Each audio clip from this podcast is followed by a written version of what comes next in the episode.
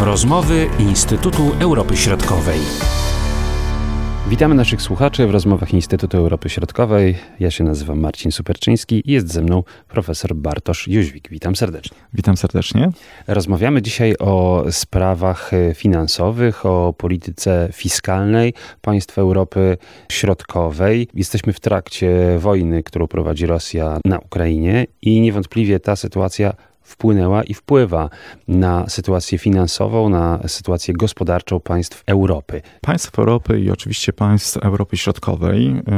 Jeżeli chodzi o finanse publiczne, mówimy tutaj przede wszystkim o deficytach budżetowych i o długu publicznym, to musimy zauważyć, że największy wpływ na deficyty miała pandemia COVID-19 i jak przejrzymy sobie statystyki z ostatnich kilku lat, to widzimy, że w roku 2020 następuje takie całkowite załamanie. Drugim czynnikiem, który zakłócił e, deficyt finansów publicznych jest wojna Rosji z Ukrainą i w konsekwencji również kryzys energetyczny, który wywarł na rządy poszczególnych państw, ale również i na Unię Europejską presję na dofinansowania w tym zakresie. I patrząc na statystyki, widzimy, że w roku 2020 e, mamy taki dynamiczny proces załamania finansów publicznych i tutaj moglibyśmy wymienić takie państwa jak Węgry i Rumunia, gdzie te deficyty sięgają poziomu 6,2%. Ja tylko przypomnę, że kryteria z Maastricht, bo do nich się odwołujemy przede wszystkim, e, regulowały mm, deficyty i dług publiczny na początku lat 90. Ten deficyt w wartości referencyjnej nie może przekraczać 3%, natomiast dług publiczny 60%. Oczywiście jest to początek lat 90., proces integracji monetarnej w Europie i jeszcze wówczas państwa Europy Środkowej nie są członkami Unii Europejskiej.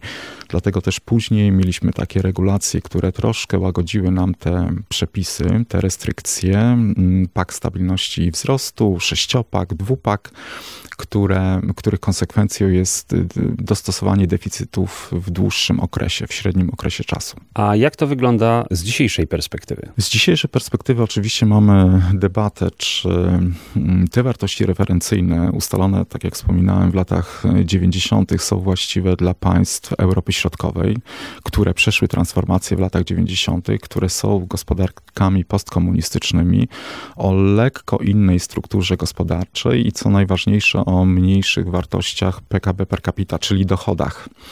Te gospodarki reagują trochę inaczej na takie kryzysy, właśnie jak obserwowaliśmy nawet w latach 2007, 8, 9, kryzys finansowy, kryzys gospodarczy, czy właśnie pandemia COVID-19 i obecnie kryzys energetyczny.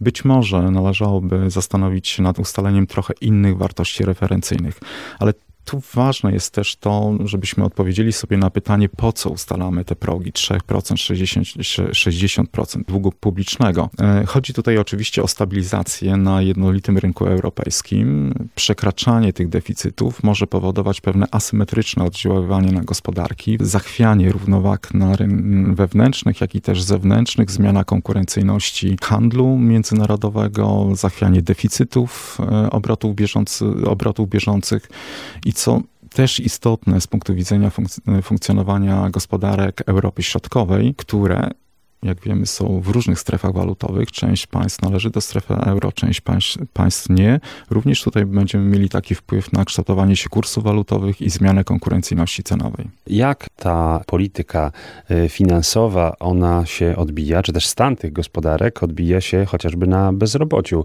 Druga rzecz to wzrost gospodarczy. No właśnie, bo y, wzrost deficytów związany jest, jest z ekspansywną polityką fiskalną, y, czyli takim oddziaływaniem rządu, który miał na celu między innymi pobudzenie wzrostu gospodarczego i zapewnieniu e, miejsc pracy. Jeżeli przyjrzymy się statystykom dotyczącym wielkości bezrobocia, to te wyniki są bardzo dobre. W zasadzie w większości państw e, Europy Środkowej stopa bezrobocia kształtowała się w tych najgorszych momentach poniżej 6%.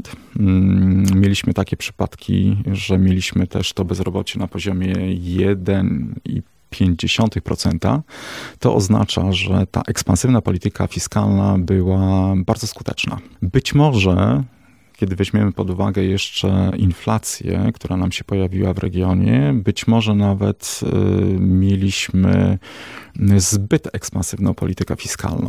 Perspektywy na przyszłość są optymistyczne. Jeżeli chodzi o rynek pracy, to wydaje się, że tutaj jest on pod kontrolą. Przy tych stopach bezrobocia nie widzimy większych napięć w państwach Europy Środkowej.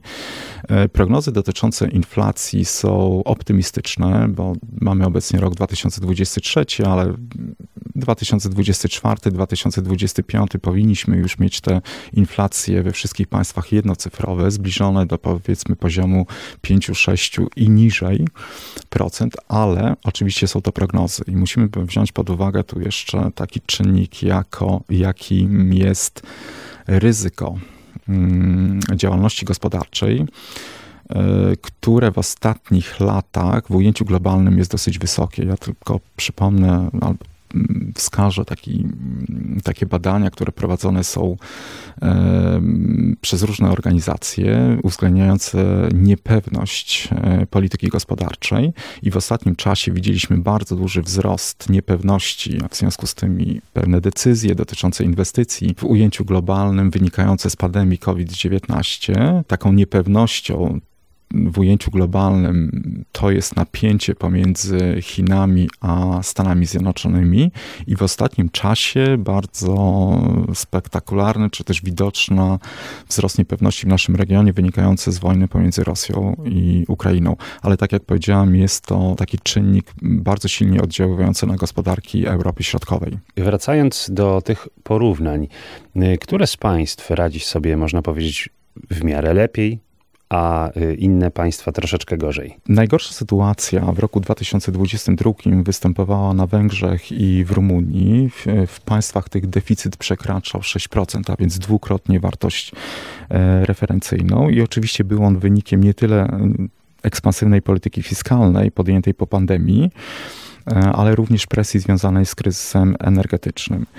E, warto tutaj zaznaczyć, że na przykład w przypadku Węgier, czyli już po kwietniowych wyborach parlamentarnych, w lipcu został zatwierdzony budżet na rok 2023, zakładający zmniejszenie deficytu budżetowego do 3,5%.